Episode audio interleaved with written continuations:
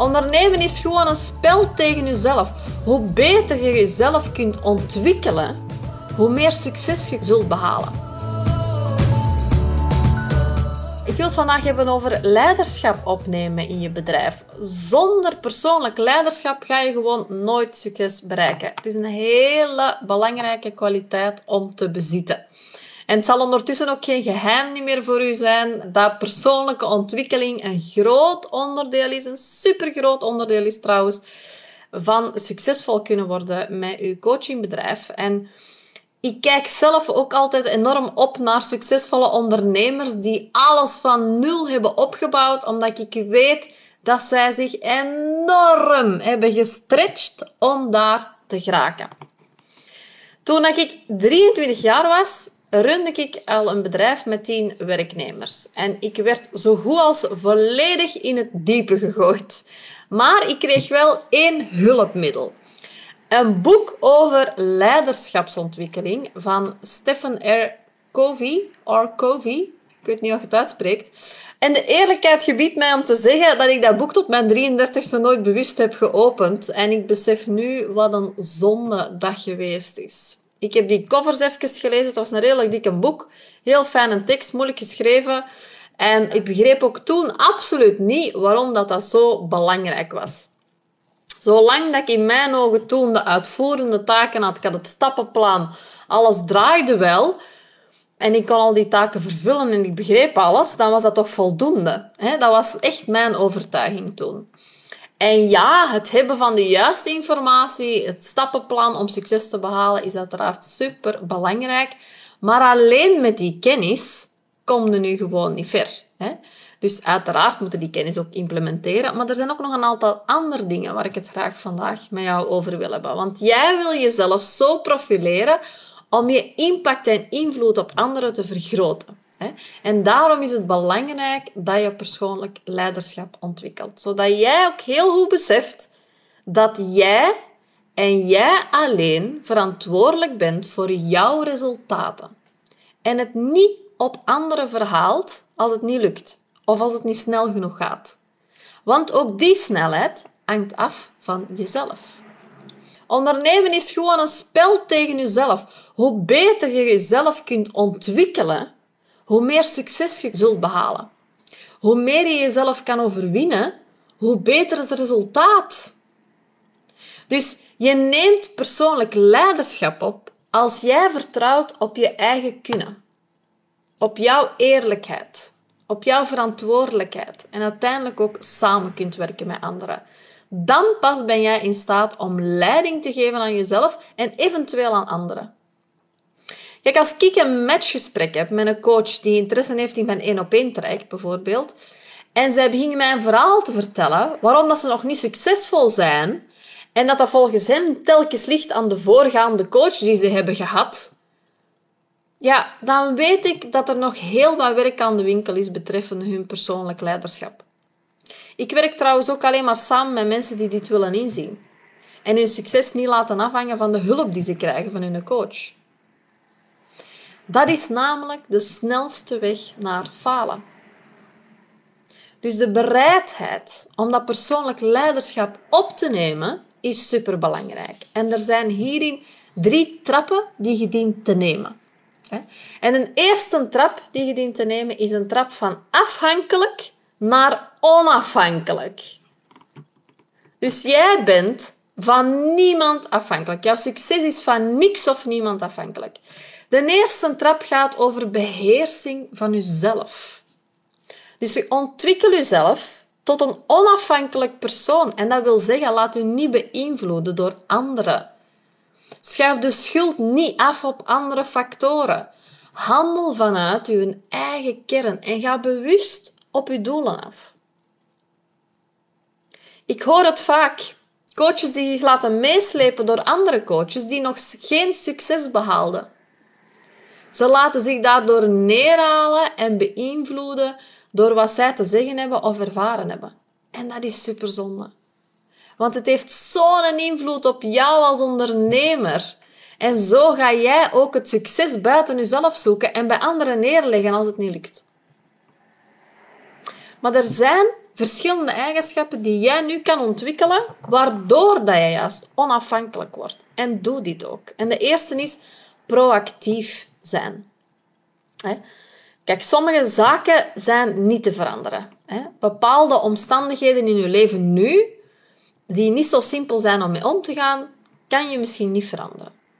Als ik kijk naar mijn leven, heb ik ook heel bewust beslist om mijn aandacht te richten op datgene dat ik wel kon veranderen. Ik kan niks veranderen aan het feit dat mijn zoon een handicap heeft. Maar wat ik wel kan doen, is een leven uitbouwen dat voor ons super fijn is, mits rekening te houden met zijn verplichtingen. En met het besef dat alleen ik daar actief aan kan werken en dat kan regelen.